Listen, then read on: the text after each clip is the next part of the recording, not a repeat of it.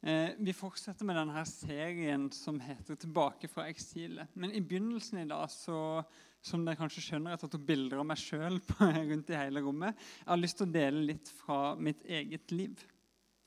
Da jeg var i begynnelsen av 20-årene, da hadde jeg store drømmer. Jeg hadde bodd et halvt år i Uganda, i Øst-Afrika, der jeg hadde hatt praksis i en kristen studentorganisasjon. Det var et imponerende arbeid jeg møtte der.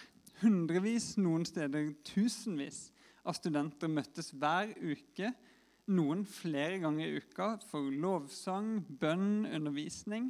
Og så studerte de Bibelen i små grupper. Og mange var engasjert i å dele evangeliet videre på studiestedet. De dro til og med på misjonsturer til litt sånn avsidesliggende bygder i landet finansiert av penger som de var nødt til å samle inn sjøl. Og de hadde ikke mye til det daglige engang. Og når jeg så disse studentene, så denne bevegelsen, så ble jeg inspirert. Og så kom jeg tilbake til Norge og begynte å drømme om at noe av det samme kunne skje her. I 2008 så begynte jeg å studere på Høgskolen i Oslo, det som i dag heter Oslo OsloMet.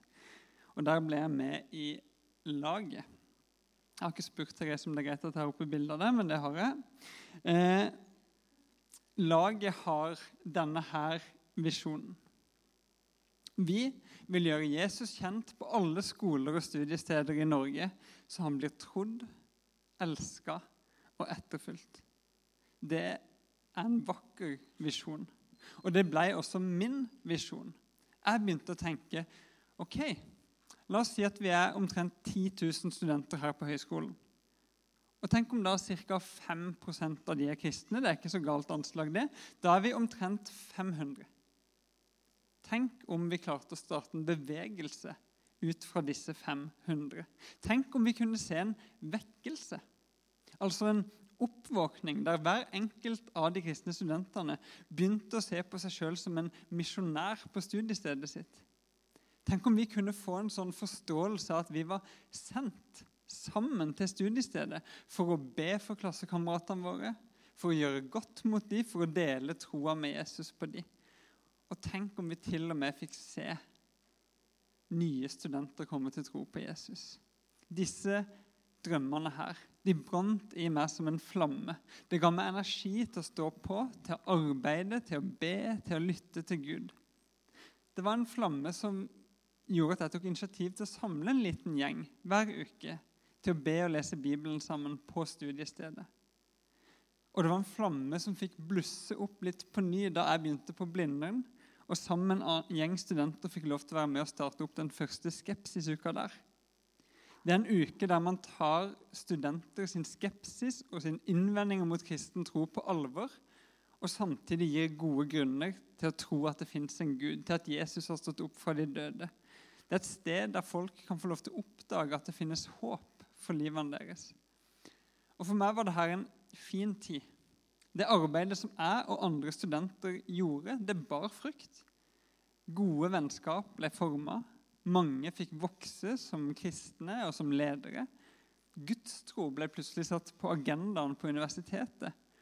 Og så var det faktisk noen få som kom til tro. Det ble jo en slags bevegelse, men en vekkelse. En stor omveltning, noe som forandra hele studiestedet. Nei, det ble det ikke. Jeg fikk aldri se 500 kristne som levde som misjonærer på eh, studiestedet sitt. Jeg så heller ikke så veldig mange studenter bli frelst. Det var rett og slett ganske stor avstand mellom de drømmene jeg hadde, og den virkeligheten jeg så rundt meg. Og Mange ganger ble jeg sliten og skuffa og på et punkt så følte jeg meg rett og slett litt desillusjonert. Det var det bildet av meg som jeg syns passer best til den tittelen. Eh, desillusjonert. Seinere har jeg skjønt det at for å bli desillusjonert, så må du jo først tro på en eh, illusjon. Et luftslott. Noe som ikke er mulig, noe som ikke er sannsynlig. Gjorde jeg det? Trodde jeg på en illusjon? Var det bare dagdrømming å se for seg 500 studenter som på en eller annen måte så seg sjøl som sendt til studiestedet sitt for å dele, med, dele Jesus med andre? Jeg vet ikke. Men i dag så har jeg nok litt lavere forventninger til hvor store ting som skal skje rundt meg. I dag så blir jeg takknemlig for ganske små resultater. Jeg syns det er stort bare det at dere, vi, har lyst til å samles her i kirka på en søndag for å søke Gud sammen. Jeg syns det er stort når jeg hører at noen ber for nabolaget sitt. Eller når noen inviterer med seg en venn i kirka som ikke vanligvis pleier å være så mye borte i sånne kristengreier. Jeg blir takknemlig for ting som er mye mindre enn de store greiene jeg drømte om da jeg var 22 år gammel. Og jeg tror det er bra. Er mer tilfreds, er mer takknemlig. Men samtidig så lurer jeg på om jeg har mista noe. I det siste så har jeg begynt å lengte litt tilbake til den der drømmeren jeg var som ung student. Jeg lengter tilbake til de drømmene som driver meg fram, som gir meg en ekstra gnist når jeg står opp om morgenen. Og så lurer jeg på om Gud kanskje har lyst til å blåse litt mer liv i den flammen som jeg bærer på. Den som bare ligger der og ulmer et sted på dypet. Og så lurer jeg på Fins det noen sånn type flamme i deg? Liten eller stor? Som brenner, eller kanskje bare ligger og ulmer som glødende kull for det vi kaller Guds rike. En brann for at noen gode ting skal kunne skje. Jeg tror det. At drømmer det er en viktig drivkraft for oss mennesker. Jeg tror det skjer noe i oss når vi ser for oss et eller annet inspirerende bilde av framtida, om åssen ting kan bli, og begynner å jobbe oss fram mot det. Jeg tror det er noe gudegitt at vi mennesker ofte lengter etter noe mer enn det vi har. I alle fall når vi lengter etter det gode. Jeg tror faktisk vi er skapt til å lengte. Og siden mars 2020 så har lengselen fått stor plass i mange av oss. Kanskje ikke etter vekkelse, men etter den dagen da pandemien skal være over. Vi har lengta tilbake til hverandre, til hverdagen. Vi har sagt at alt blir bra, og så har vi ikke visst helt om vi tør å tro på det. Men nå er vi altså på vei tilbake. På vei tilbake fra pandemien, på vei tilbake fra eksilet. Og Når vi er tilbake fra eksil, så er vi også samla i kirka igjen. Og da går jeg og lurer litt på Kommer det til å føles som en suksess når vi kommer tilbake til livet her i kirka? Er dette her starten på en eller annen slags bevegelse eller vekkelse for oss? Ser framtida ut som en drøm? Eller kommer vi til å ende opp skuffa hvis vi tør å drømme om noe stort? Forrige uke så begynte jeg å fortelle dere historien om da israelittene kom tilbake fra 70 lange år i fangenskap og eksil. Vi leste fra to bøker i Bibelen som egentlig er én, som kalles for Esra og Nehemia. Og Bibelprofessor Tim Mackey fra Bible Project han kaller disse bøkene for dette. A case study of when well-intentioned leaders do everything in their power to prepare for revival, and it doesn't happen. Altså et studie i hva som skjer når ledere med gode intensjoner gjør alt de kan for å legge til rette for vekkelse, og så skjer det bare ikke. I dag vil jeg snakke om å finne tilbake til de drømmene som fins i oss. Om Guds rike, om en bedre verden, om rettferdighet, om at folk skal komme til tro. Om de tingene vi drømmer om. Men jeg vil også snakke om det å komme tilbake til virkeligheten sånn som den er, ikke bare sånn som vi skulle ønske den var. La oss be før vi går videre. Gud, jeg ber om at du må legge gode drømmer i hjertene våre. Jeg ber om at du må lære oss å lengte etter det du vil. Jeg ber om at du må vekke en lengsel i oss etter deg og en lengsel etter at også andre skal få lov til å se hvem du er. Og så ber jeg deg, Gud, om at du sjøl må være svaret på alle bønnene og drømmene våre. Det ber jeg om i Jesu navn. Amen. Ok.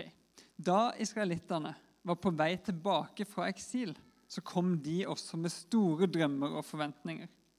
Profetene, altså noen mennesker som Gud hadde valgt seg ut som et talerør, de hadde tent dette håpet i folket. De hadde forklart israelittene at dette eksilet ja, det skjedde pga. dere. Dette er Guds dom fordi dere har gjort et opprør mot han. Men så sa de også at den Gud som nå har eh, dømt dere, han lengter etter dere. Han har lyst til å gi dere håp. Og en av disse profetene, Jeremia, han sa f.eks. det her. Så sier Herren, se, jeg vil vende skjebnen for Jakobs telt, altså Israel, og vise barmhjertighet mot hans boliger. Hver by skal bygges på sin ruinhaug, hver borg skal stå på sin, sitt rette sted. Fra dem skal det lyde lovsang og latter. Jeg gjør de flere, ikke færre. Jeg gir de ære, de skal ikke foraktes. Og litt lenger ned så står det Da skal dere være mitt folk, og jeg skal være deres Gud. Sagt med 2020-språk alt blir bra. Det var budskapet til den gjengen som satt i fangenskap i et fremmed land og lengta hjem.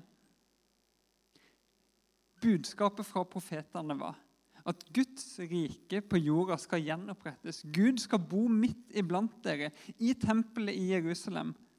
Og der skal dere elske Gud og følge Han av hele deres hjerte. Profetene sa til og med at folk skulle komme fra andre land, strømme til Jerusalem for å tilbe Gud. Og så sa de at Gud skulle gi dem en konge som skulle regjere til evig tid. Det var så mye bra som lå i vente, så israelittene de bar på et stort håp, på store drømmer. Og det skapte engasjement, spesielt blant lederne i folket. Forrige gang så underviste jeg dere om hvordan disse lederne jobba for å bygge opp landet igjen. En liten refresh på det.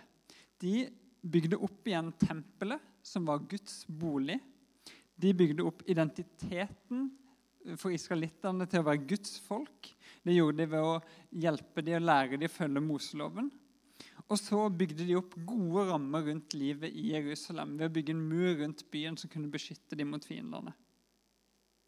Og så I undervisninga sist så utfordrer jeg oss til å gjøre noe av det samme som det her i vår menighetssetting her på begynnelsen, nå som vi er kommet tilbake.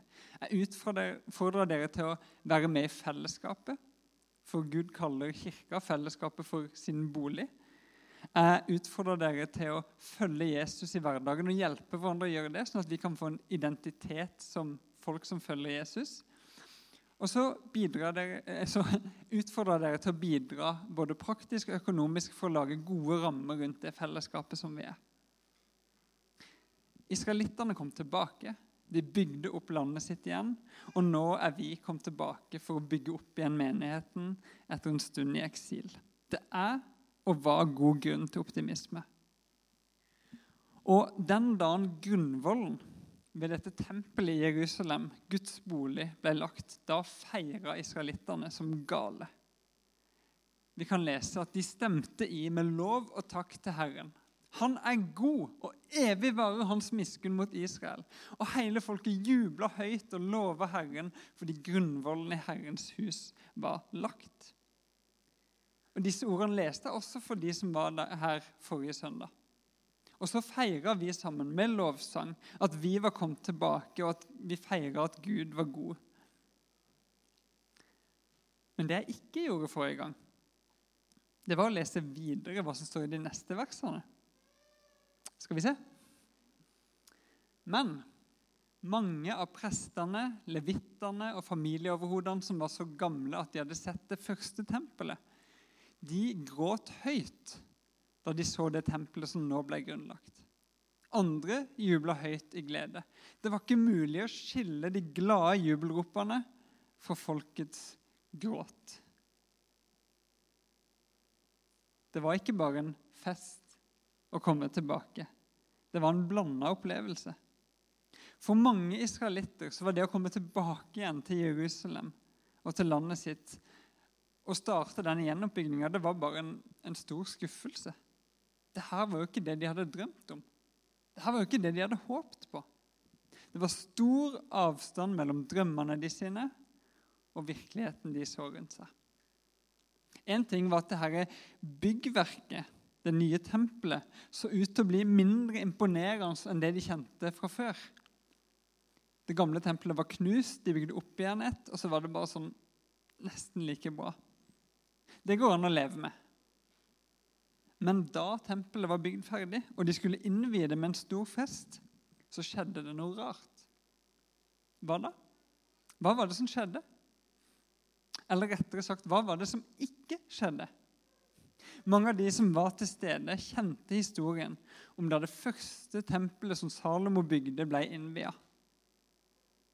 Da skjedde det noe stort. Da kom Guds nærvær i en sky som la seg i og rundt tempelet. Det var ikke til å ta feil av.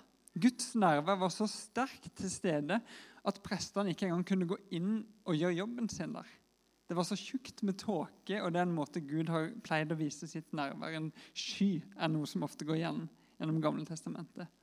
Så Guds nærvær var der så tydelig. Men nå, når vi leser Esra og Nehemjas bok,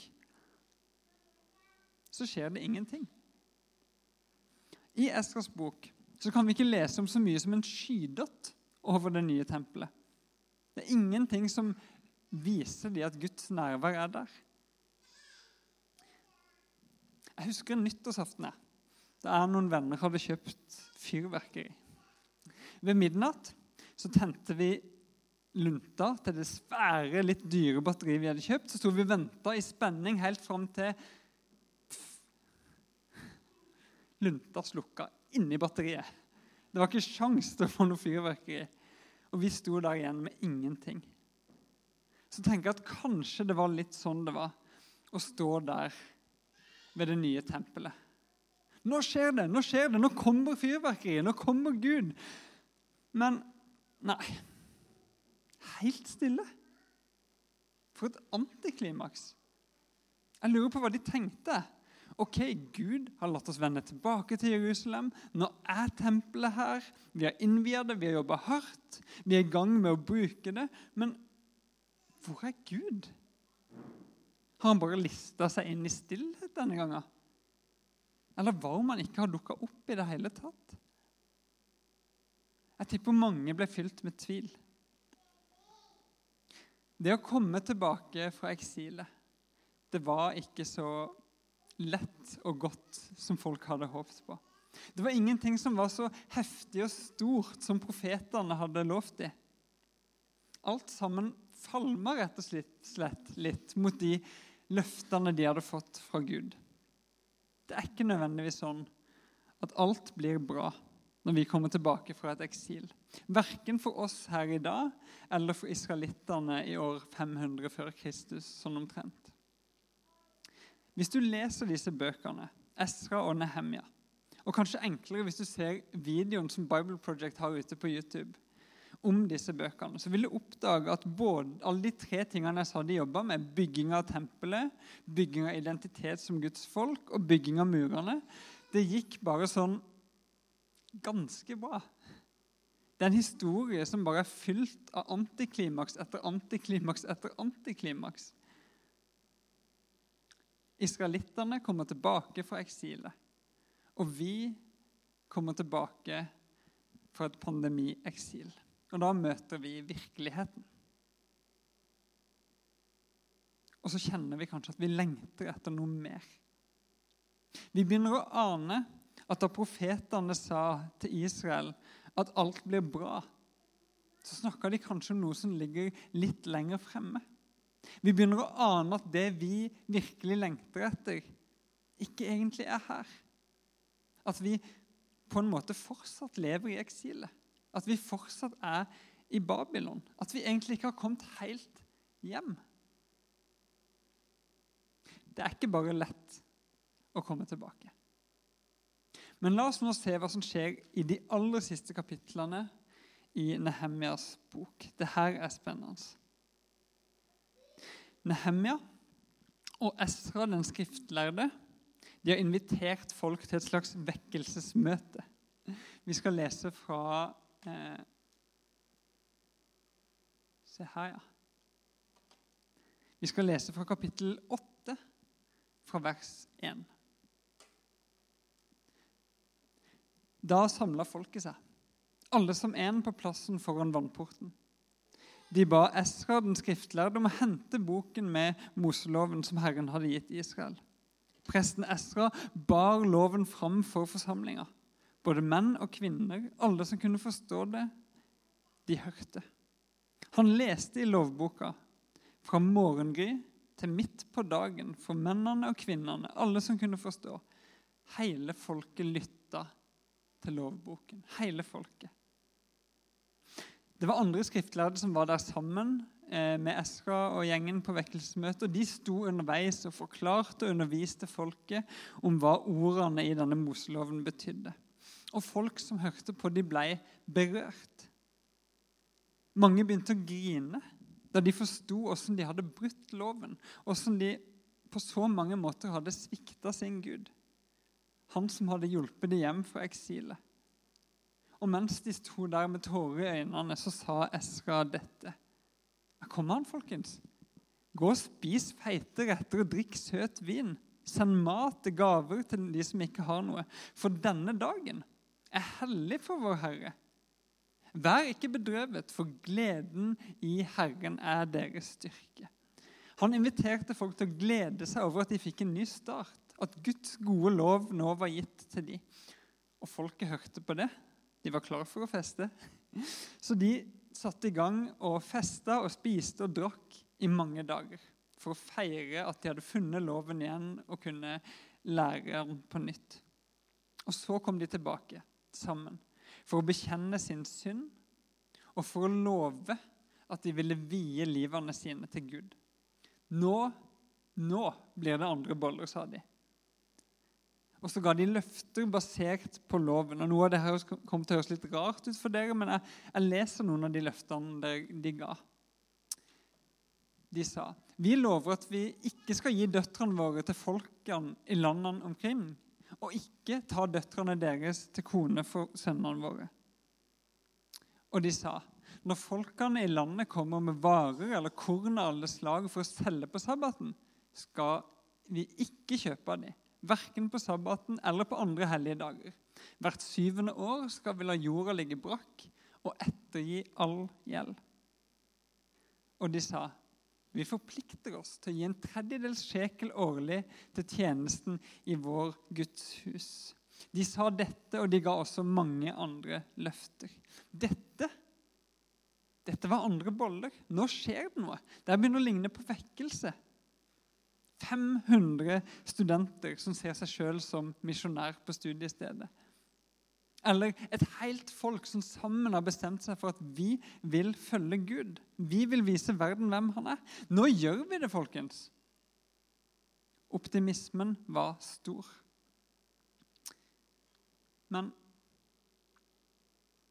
det ble ikke andre boller. Det viste seg at israelittene var akkurat de samme bollene de alltid hadde vært. Akkurat som før eksilet så tok det ikke lang tid før de begynte å bryte alle de gode løftene de hadde gitt til Gud. Og Så kommer du til kapittel 11, og så leser du at Nei, kapittel 13, mener jeg. Tempelet ble stelt dårlig med. Det forfalt. Ingen bidro med penger. Ingen brydde seg om det stedet der de skulle samles for å søke Gud. Og folk brøyt sabbaten, som de hadde lov til å holde. Og sånn viste de Gud at de egentlig ikke hadde noe tillit til at han ville forsørge dem mens de hvilte. Og Så begynte de å gifte bort døtrene sine til menn fra andre folkeslag. og Det høres jo litt rart ut at det ikke skal være greit, men det som skjedde da, var at de begynte å følge nabolandene sine guder i stedet for å følge den Gud som hadde ført dem ut av eksil. Den eneste sanne Gud. Altså, Tenk for et antiklimaks. For noen kjipe boller. For et vått og ubrukelig fyrverkeri. Og I neste kapittel, i det siste kapittelet av boka, så møter vi en desillusjonert Nehemja. Han løper rundt mens han prøver å jage og tvinge folk til å holde loven. Han ender til og med opp med å bruke vold. I Nehemia 1325 så sier han det sjøl. Jeg irettesatte mennene og forbanna de. Noen av de slo jeg, og jeg reiv de i håret. Så lot jeg de sverge til Gud. Der har du Nehemia, den store lederen. Skuffa, frustrert, bitter, desillusjonert. Gapet mellom drømmene hans og virkeligheten han så rundt seg, ble altfor stor.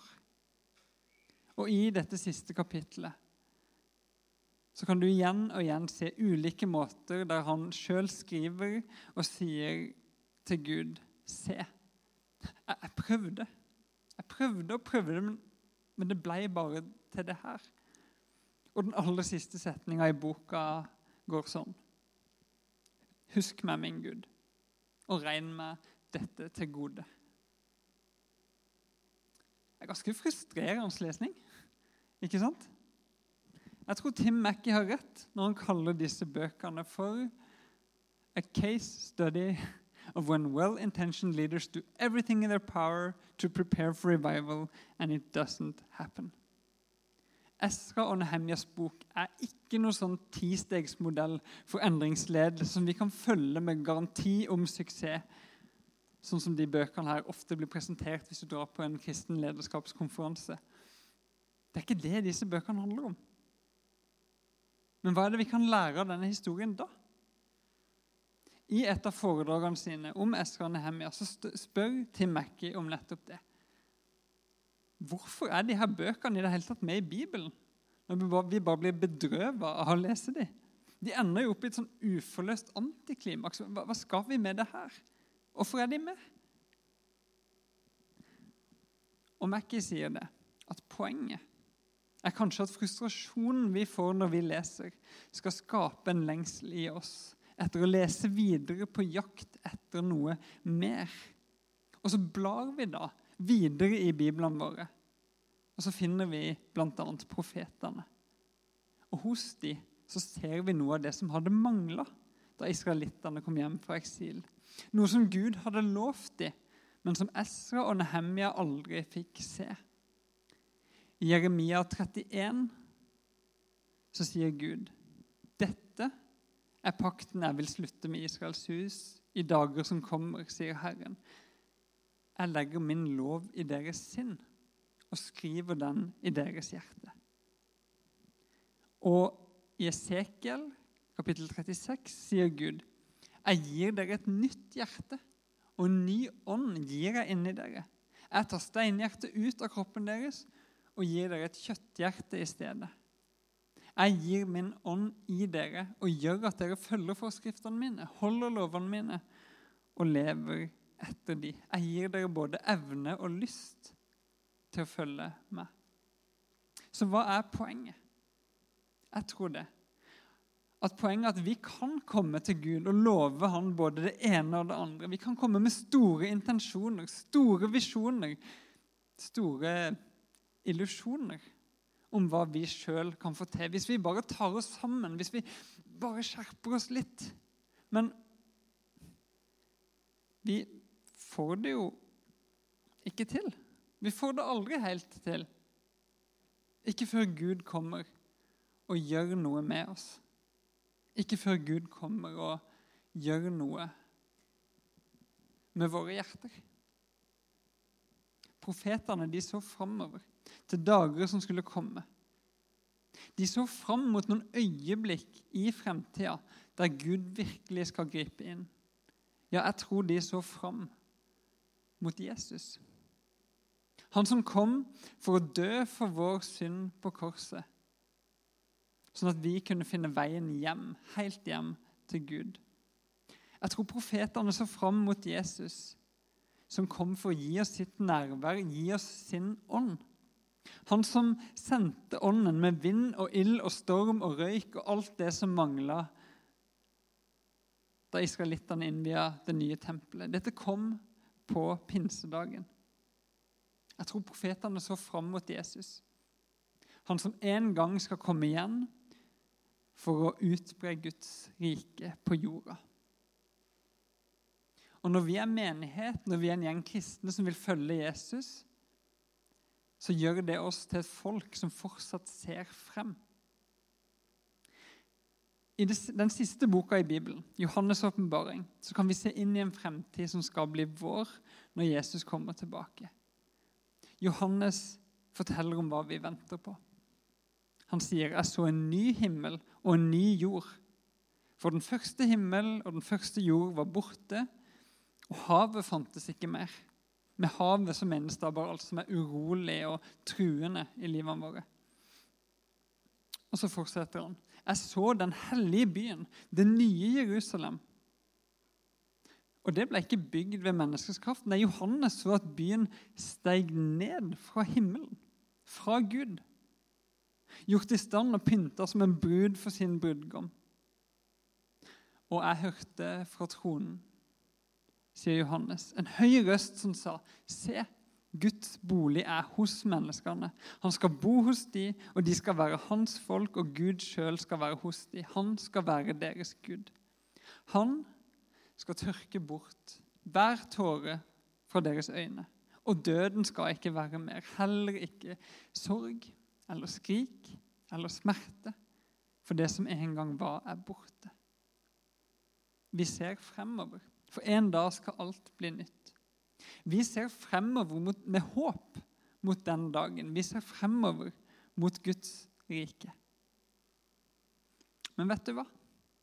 Guds rike ligger ikke bare der som en endestasjon i det fjerne. Nei, Guds rike kommer fra himmelen og bryter seg inn i vår virkelighet allerede nå. Ja, hvor da? Hvor er Guds rike her, spør du kanskje. Og Jesus sier Guds rike kommer ikke på en sånn måte at en kan se det med øynene. Ingen vil kunne si 'Se, her er det', eller 'Der er det'. For Guds rike er midt iblant dere. Guds rike er her. Det er her, det er hos oss, med en flamme som brenner i hjertene våre, om den er liten eller stor. Guds rike er her. For Guds nærvær fyller dette fellesskapet, sånn som det en gang fylte tempelet, selv om ikke vi ser noe røyk. Guds rike er her, for Guds ånd bor i hvert eneste menneske som tror på Jesus.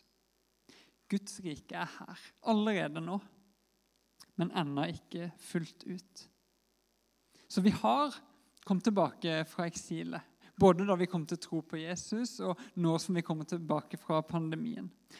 Vi har kommet tilbake fra eksilet, men vi lengter likevel etter noe mer. Så hva betyr alt dette for oss? Jeg har kasta masse Bibel etter dere nå. Hva betyr dette for Bjølsen misjonskirke? Hva betyr det for den ilden som fins inni meg, og som kanskje også fins inni deg? Den som brenner for Guds rike. Hva er det vi kan lære av Esra og Nehemia og resten av bøkene i Bibelen som vi har hørt fra i dag? Jeg skal gi noen korte råd til slutt. Det første er det her. Ha realistiske forventninger til hvor bra ting kan bli nå i høst når vi er tilbake i kirka igjen. Forvent at de planene vi legger oss, bare lykkes sånn halvveis. Og ikke bli overraska når dine egne intensjoner om å be mer eller følge Jesus mer eller leve på en spesiell måte bare funker sånn halvveis. Dette har skjedd før. Du er ikke aleine når det er sånn. Og det andre Vær takknemlig for de små tingene. Små ting som bare det at vi er samla her i dag. Små ting som at du en dag kanskje bare klarer å gripe bitte litt mer av den nåden og kjærligheten Gud har for deg. Små ting som når du ser noen du kjenner gjør godt mot andre rundt seg. Takk Gud for det gode du ser da. For det er en forsmak på det som ligger der framme. Og så til slutt tro. Ikke legg bort drømmene dine. La den flammen som kanskje er i deg, en liten gnist som du nesten ikke kjenner engang, la den få lov til å blusse opp. For samtidig som vi må ha et realistisk bilde av hva vi sjøl kan få til, så må vi ikke undervurdere hva Gud kan gjøre. Vi tror på en Gud som er allmektig. Hva vil vi sang i stad? Vår Gud, uforanderlig, ubeskrivelig. Vi må tørre å tro Vi må tørre å tro at vi, Bjølsen misjonskirke, kan bli et livsforvandlende fellesskap for mange mennesker. Vi må tørre å tro at vi kan leve liv der vi er sendt til våre arbeidsplasser, studiesteder og nabolag. Vi må tørre å tro at nye mennesker kan bli kjent med Jesus, også i Oslo i 2021. Vi må tørre å tro at en vekkelse kan skje. Og så kan vi legge til rette for vekkelse så godt vi kan. Vi kan bygge fellesskap og identitet, vi kan ha gode rammer for kirka, alt det som jeg snakka om forrige søndag. Men til syvende og sist så er ikke Guds rike noe vi bygger for Gud. Det er noe Gud bygger midt iblant oss. Så istedenfor at vi nå skal ta oss sammen og love Gud at nå blir det alle boller, istedenfor at jeg skal stå her og lansere masse strategier og planer for Bjølsen misjonskirke fram mot 2025, eller hva enn det er, så la oss heller hvile i at det er ikke så mye vi egentlig kan gjøre. La oss heller komme til Gud med åpne armer. Med tillit, med bønn og med tro skal kaste et siste bibelvers mot dere. Håper dere tåler det. I Salme 127 så står dette. Hvis Herren ikke bygger huset, arbeider bygningsmennene forgjeves. Hvis Herren ikke vokter byen, våker vaktmannen forgjeves. Forgjeves står dere tidlig opp og setter dere seint ned og spiser brød dere har slitt for. Det samme gir han sine venner mens de sover. Eller de ordene der bli utgangspunkt for en bønn som jeg håper du har lyst til å be sammen med meg i ditt indre. Gud, her er vi. Og hvis ikke det er du som bygger, så arbeider vi forgjeves.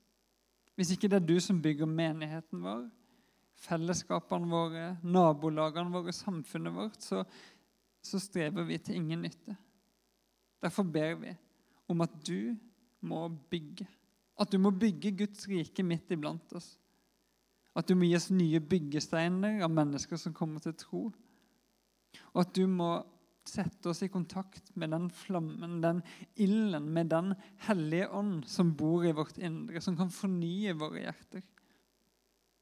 Vi ber Gud om at du må bygge oss og forme oss til å bli den menigheten du vil at vi skal være her på Bjølsen. At du må bygge oss og forme oss, hver enkelt av oss, til de unike menneskene du vil at vi skal være. Og dette ber vi om at du må gi oss mens vi sover. Mens vi hviler i tro på deg, Gud. Mens vi hviler i din kjærlighet og nåde til oss. Den som du har gitt oss ved Jesus. Kan jeg få høre et amen? Det er jo nesten vekkelsesstemning her på huset. La oss synge sammen.